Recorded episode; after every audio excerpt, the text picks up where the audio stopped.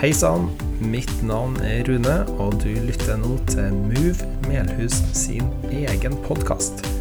Besøk oss gjerne på movemelhus.no for mer informasjon, eller søk oss opp på Facebook. Vel bekomme. Så ser jeg at det er veldig mange her jeg ikke kjenner, som betyr at det er mange som ikke kjenner meg. Heter Lisa, som Rune sa, og hvis tenkte Nå er det jo så veldig inn i tida å være sånn der influenser eller påvirker. Tenkte jeg at eh, i og med at det er så mange som ikke kjenner meg, og jeg er i mammapermisjon, og sånn der, så har jeg jo god tid til å starte en blogg som heter pastorfruen.no. Eh, men det var opptatt, så det var, det var dumt. eh, I dag så skal jeg snakke om det som handler om livslangt fellesskap. Og det syns jeg er et spennende tema, spesielt når vi er eh, alle samla her i dag i storsamling. Eh, jeg vet ikke hvilke assosiasjoner du har til ordet fellesskap. Men eh, i hvert fall eh, det som slår meg, er typisk sånne grupperinger som man er en del av.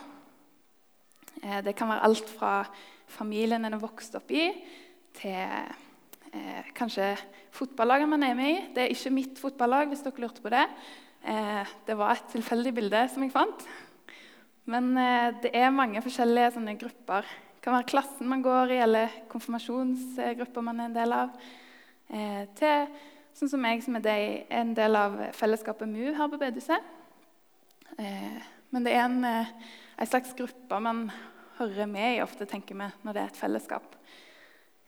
og så er det jo litt viktig, sånn, hvis en ser på det historiske perspektivet, at vi mennesker vi Eh, vi trakter etter å være del av fellesskap. Vi trakter etter å høre til i samfunnet eh, og være en del av noe som er større enn oss sjøl. Og det har vært veldig viktig, for sånn historisk sett så var det jo direkte livsfarlig å ikke være det. Eh, for man sto sammen i fellesskapet for å finne mat, for å dele på det en hadde, dele på oppgaver og holde hverandre trygge. Så med en gang du sto alene, så ble du så sårbar da, eh, for at noe kunne skje. Eh, så Derfor har det vært viktig å høre til. Men så er det sånn at i, eh, i disse fellesskapene så kan vi jo være en del av det sånn på papiret, men samtidig ikke føle at vi, at vi hører til. det har i hvert fall jeg følt på. At du liksom er inni gjengen, men så er du litt alene likevel. og Eh, det tror jeg handler om det å, være en del av fellesskapet, men ikke føle fellesskap til de andre.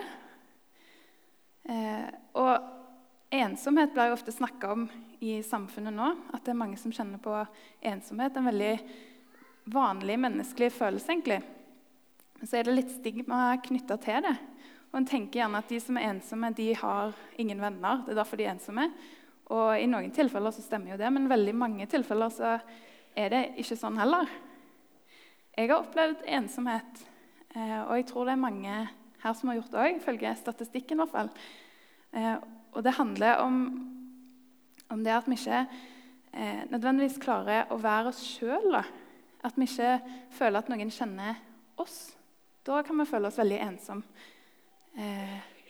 Og det kan føles enda sterkere hvis en er en del av et fellesskap eller en er sammen med noen, men, men føler liksom ikke at de, de kjenner deg. Eh, at vi, vi, klarer ikke å være oss sjøl i møte med de vi er sammen med. Eh, og det å være seg sjøl er ofte litt sånn, eh, sånn skummelt.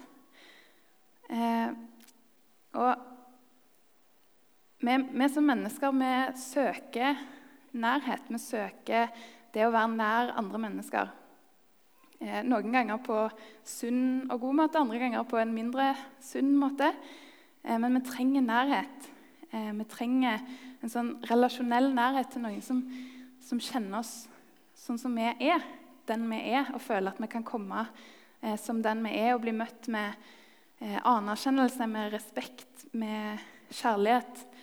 Uansett hva det er vi viser fram av oss sjøl. Og jeg har et litt sånn eh, banalt eksempel. Så bare heng med meg. Det er litt sånn, eh, ikke alle som kanskje kjenner seg igjen i den situasjonen her. Men jeg husker når meg og Rune eh, sånn cirka akkurat når vi ble kjærester. Så husker jeg en gang han skulle komme på besøk. Og da var det jo ennå litt sånn der Ja, vi var jo ikke helt trygge på hverandre. Som, det er i starten av forhold. Og så husker jeg at jeg skulle teste han litt.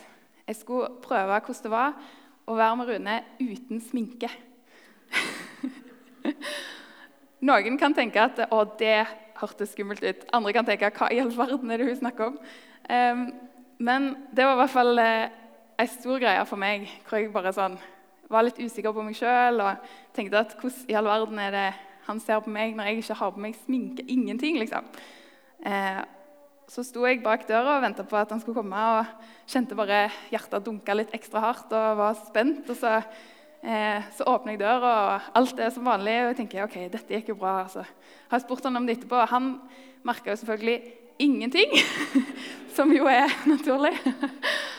eh, men det, for meg så var det litt sånn eh, terskel å gå over, da. Eh, for det, det å dele mer av seg sjøl uten den der fasaden kan ofte være eh, skummelt. Fordi vi rett og slett er redd for å bli avvist, redd for å bli såra, redd for å bli latterliggjort, eh, som kan skje. Det er en risiko. Men samtidig, når en tør å være seg sjøl og tør å dele den nærheten, så kan det bli så utrolig bra. Når vi tør å være oss sjøl og tør å, eh, å, møte andre eh, på en ekte måte. Jeg har lyst til å eh, dele en historie med dere fra Johannes kapittel 4. Eh, det er sikkert mange av dere som har hørt den før. Eh, og så håper jeg at kanskje det sier noe nytt til dere i dag likevel. Den historien her handler om ei dame. Og vi vet ikke så veldig mye om hun, sånn i utgangspunktet.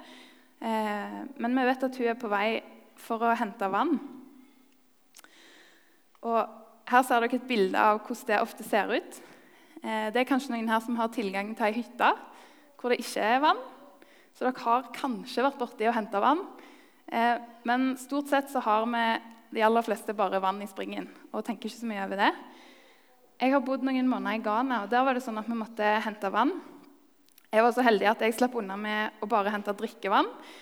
Men eh, jeg så jo alle de andre som, som bærte på de her dunkene opptil flere ganger til dagen for å hente alt de trengte. Eh, og det er veldig tungt arbeid. Det er gjerne 20 liter oppå hodet. Eh, så de går sammen eh, hjelper hverandre å få denne eh, dunken oppå eh, og eh, bærer det her med seg. Og selvfølgelig så er det jo sånn at I disse kulturene så er det jo eh, kvinnfolka som er det sterke kjønn. vil jeg påstå. Det er de som gjør det tunge arbeidet. Eh, det tenkte jeg mange ganger på når jeg var i Ghana. at Fy søren hvordan de står på. Og mennene de satt på rumpa. det er sikkert ikke representativt for alle mennene, men det var i hvert fall inntrykket mitt. at jentene, nei, damene de, de, var sterke, og de sto på.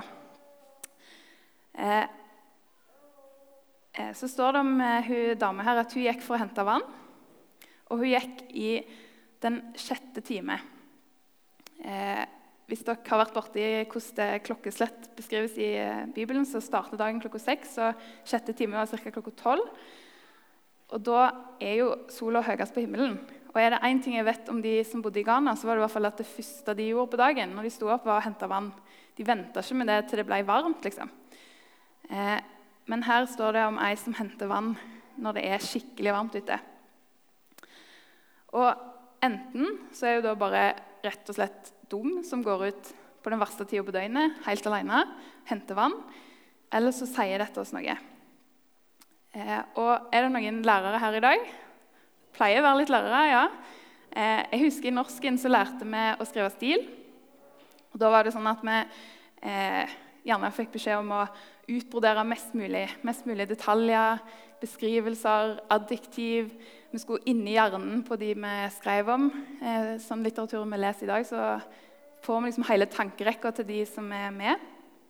Eh, men Bibelen er skrevet i en annen kultur og i en annen tid hvor eh, det er helt motsatt.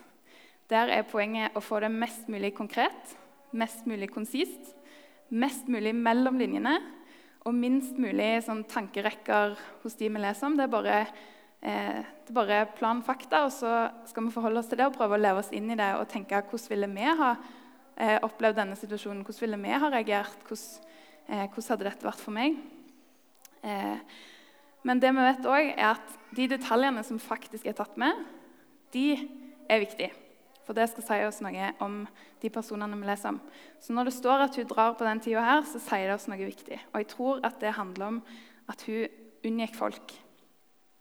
Som du ser på bildet her, så går de sammen i en flokk. De hjelper hverandre, og det er veldig viktig. Eh, når hun går alene, så betyr det at hun utsetter seg for veldig mye risiko. Eh, det er vanlig å få heteslag når du bærer vann.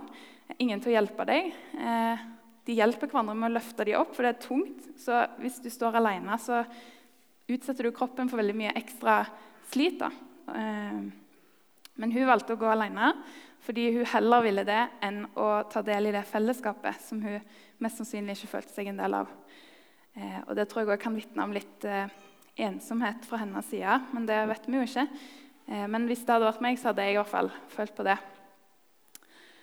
Eh, og Når hun kommer fram til denne eh, brønnen, så møter hun en mann.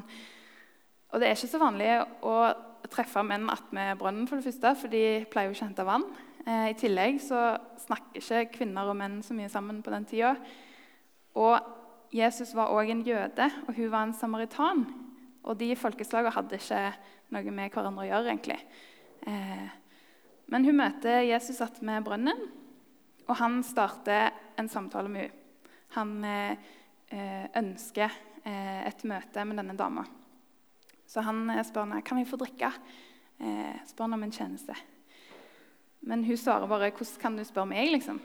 Vi skal jo ikke ha noe med hverandre å gjøre. Hva, hva skjer? Eh, og så snur han på det, for jeg tror egentlig så var det ikke det at han trengte vann. Det var det at han ville tilby henne noe. Så han eh, sier at eh, hvis du hadde kjent Guds gave og visst hvem du snakker med, eh, så hadde du bedt han, hadde han gitt deg levende vann er jo litt sånn eksentrisk måte å snakke på. Jeg vet ikke om jeg hadde skjønt hva han mente eh, sjøl. Men eh, sånn hun svarer i hvert fall litt ironisk eh, Hvordan skal du liksom få til det? Du har jo ikke noe å få vann fra. Eh, du er vel ikke større enn vår stamfar Jakob. Du har jo ikke noe brønn, liksom. Og jeg tror at det òg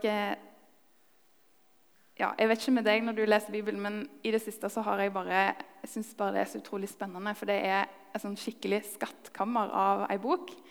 For det henger så utrolig godt sammen. Eh, så den setningen her har aldri egentlig sagt meg noe før. Men nå eh, når jeg sjekket opp det her med levende vann, så plutselig kom jeg over For det er ikke så mange plasser det står om det, men plutselig så kom jeg over i eh, Jeremia kapittel 2. Eh, for to onde ting har folket mitt gjort. De har forlatt meg, kilden med levende vann, og hugget seg brønner, sprukne brønner som ikke holder vann.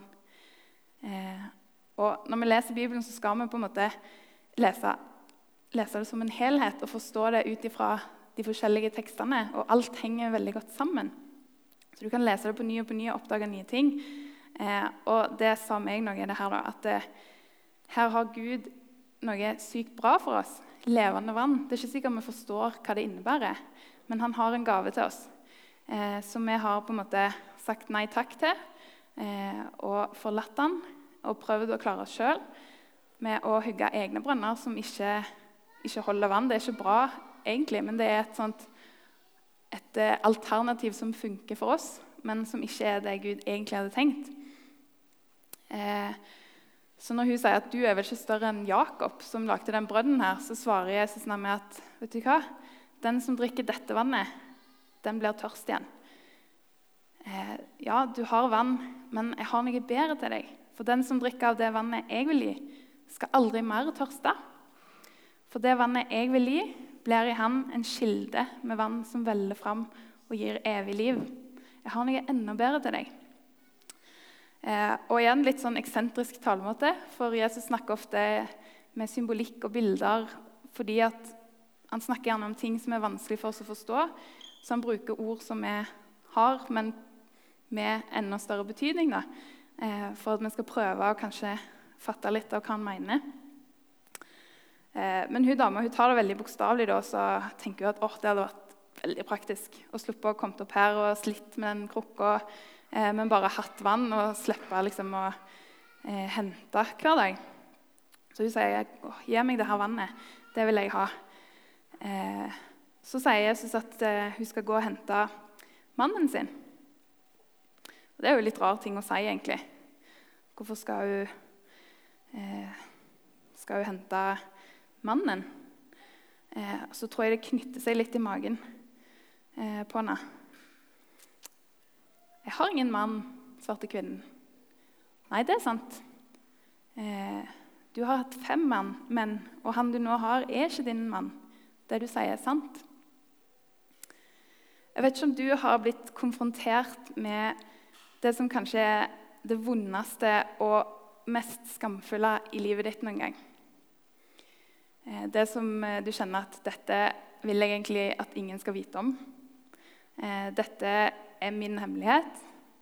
Dette vil jeg ha for meg sjøl. For hvis det er noen som får vite dette, så tipper jeg at de avviser meg. Jeg tror ikke de vil ha noe med meg å gjøre. Eh, det som det står at hun har gjort her eh, Sånn for oss så virker jo ikke det som eh, en veldig stor greie. egentlig. Det er veldig vanlig i vårt samfunn. Men på den tida hun levde, så var dette en grunn til å bli ekskludert fra samfunnet hun levde i. Det var en sånn skam-ærekultur. og Hvis du gjorde sånne ting, eh, så var det fryktelig skamfullt. Eh, og du kunne bli eh, eh Du kunne miste familien din og hele eh, sikkerhetsnettet ditt. Og så blir hun møtt med denne samtalen. da. og jeg tror nok at hun har blitt møtt med det her fra andre òg, som kanskje er grunnen til at hun ikke ønska å gå og hente vann sammen med de andre. Eh, men det virker som at Jesus konfronterer henne med dette på en helt annen måte enn hva hun er vant til. Eh, for Jesus han ønsker en relasjon til henne. Han, ønsker, han tar kontakt sjøl, selv, selv om han vet dette. Han, eh, han viser henne medfølelse, han viser henne kjærlighet.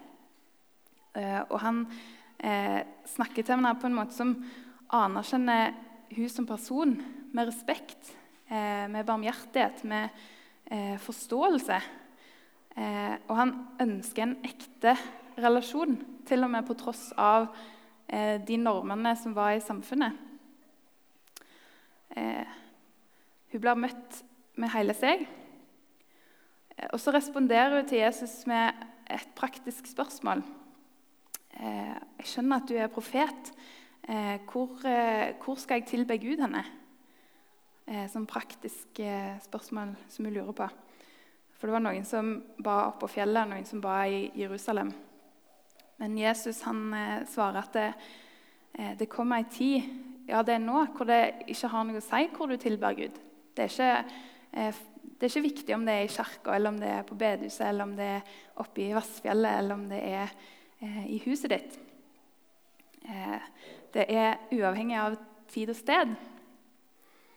Eh, dere tilber det dere ikke kjenner, men vi tilber det vi kjenner. Nå snakker han om jødene og samaritanerne igjen. Eh, for frelsen kom, den kommer fra jødene. Men den time kommer, ja, det er nå, hvor de sanne tilbederne skal tilbe Far i ånd og sannhet. For sånne tilbedere vil Far ha. Gud er ånd, og den som tilber han må tilbe i ånd og sannhet. Eh, og Det er kanskje litt vanskelig å henge med på det han sier her. Eh, jeg skal komme litt tilbake til det. Eh, men jeg tror det er nyttig at vi legger merke til at han snur spørsmålet hennes fra 'Hvor skal jeg tilbe Gud?' til at vi skal tilbe Far. Nå vet ikke jeg hvilket forhold du har til faren din. Kanskje er det et veldig bra forhold, kanskje er det et komplisert forhold. kanskje et sårt forhold, et vondt forhold. Eh, men det er en eh, relasjon de alle har eh, et eller annet forhold til. Husker etter jeg ble mamma sjøl, så eh, følte jeg at jeg kunne forstå den, eh, det bildet som blir brukt i relasjonen vår til Gud, litt bedre. Rett og slett fordi at gjennom livet og fasene i livet så, eh, så lærer vi mer om, om oss sjøl, om mennesket og om Gud. Og jeg syns det er så utrolig gøy å se fireåringen vår gjør ting og reagerer eh, på situasjoner på samme måte som hun gjorde når hun var baby. Liksom den, hun er den samme som hun var allerede da. Eh, og jeg føler jeg kjenner henne veldig godt. Eh, eh, samtidig så kjenner jo hun meg. Jo, meg og Rune er jo de næreste hun har. Eh, og likevel så vet jeg at hun kjenner jo ikke hele meg. Jeg husker når jeg var i begravelse til besteforeldrene mine, som jeg jo kjente som besteforeldre, så syntes jeg det var så utrolig fascinerende å høre om hele eh, livet de har levd før vi ble født, og utenfor vår relasjon. For det er så mye mer eh, til hver person enn eh, det vi kjenner de bare i den relasjonen vi har. Eh, og jeg tror det er litt sånn med Gud òg, at han, han, kjenner oss vanvittig godt. Enda bedre enn hva jeg kjenner ungene mine. Eh, for han har skapt oss og kjenner liksom, han kjenner hele oss, han kjenner eh, hjertet vårt. Eh, og han elsker oss eh, ubetinga. Og vi kjenner Gud i en, eh, en, relasjon, i hvert fall forhåpentligvis. Det er ikke sikkert at du anser deg sjøl som kristen eller at du kjenner Gud, men hvis du kjenner Gud, så, så, er han en far. Og vi kan få, få den tryggheten det er hvis du ser på det bildet som en ideell pappa. da.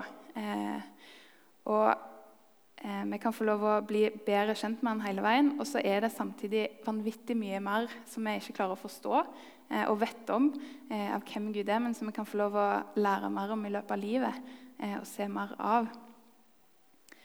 Eh, men det er en vi kan, kan ha som pappa, som kjenner oss helt og fullt og elsker oss på grunn av og på tross av de vi er. Eh,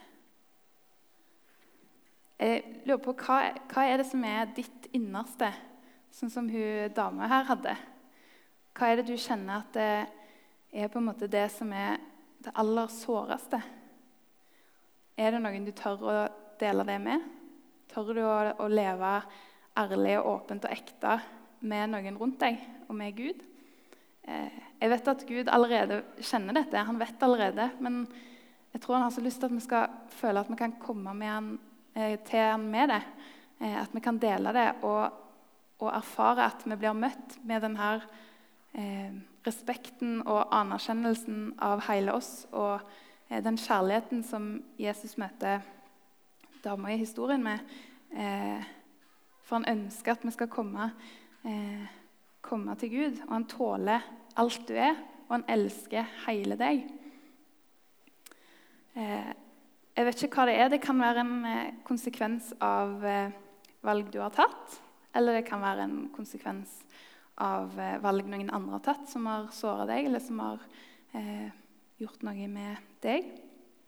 Eller det kan være det at vi lever i en verden som ikke er perfekt, som er full av sykdom og ulykker og nød som er vondt og vanskelig.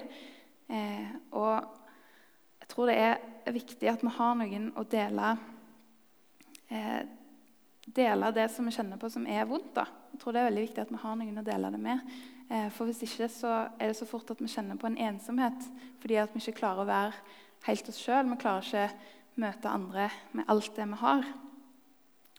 Eh, og selvfølgelig så skal vi jo dele alt det gode òg. Det er ikke bare det, det vonde. Um, men så tenker jeg òg at det er litt nyttig å se på den teksten her i forhold til det som jeg sa i stad, at det er kanskje litt vanskelig å, å henge med, for det er mange eh, ord som, er, som, det er mye betydning i, som vi kanskje ikke bruker sånn i hverdagstalen vår. Eh, men vi skal tilbe Far i ånd og sannhet. Jeg vet ikke hva det sier deg, men eh, når vi tar imot Jesus, så tar vi imot Den hellige ånd eh, på innsida. Vi får del i noe som er eh, større enn oss sjøl. Og jeg tror det er det Jesus mener når han snakker om den kilden med levende vann som er inni oss. Det, eh, det fosser fram eh, gode ting. Eh, og det er så vanvittig godt å ta del i det når vi lar Gud få lov å prege livet vårt. Lar Gud få lov å slippe til Eh, og vi kan tilbe Gud i ånd og sannhet.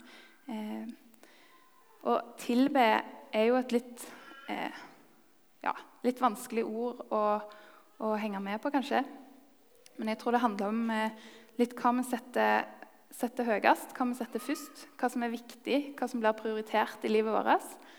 Eh, og så tror jeg det handler om det å ha tillit til. Hva er det vi stoler på? Eh, stoler vi på at vi fikser alt sjøl? Eh, stoler vi på at eh, vi har penger i banken? Eh, stoler vi på at folk rundt oss backer oss? og stoler vi på Gud? Det er ikke alltid så lett, syns jeg i hvert fall, å stole på at Gud fikser det. er veldig enkelt å å ha et sånt sikkerhetsnett i banken, f.eks. Men jeg tror at hvis vi tør eh, å stole på Gud, hvis vi tør å, eh, ja, tør å komme til Gud og eh, tilhøre Gud, så tror jeg vi får eh, tilgang på en gave som vi ikke vet hva er på forhånd, som er sykt bra. vi kan finne vårt eget vann, som er vanlig vann, eller vi kan få tilgang på noe som er levende, noe som er enda større. Eh, noe som gir oss noe mer, som fyller noe som vi ikke er klar over at vi trenger. Eh, I tillegg så eh, fortsetter denne historien her med eh, at i møte med Jesus så skjer det noe med hun dama her. Og hun som kom for å hente vann, hun setter vannkrukka fra seg som var hele poenget med å komme til brønnen egentlig, og hente vann. Men hun setter den fra seg, eh, og så springer hun av gårde.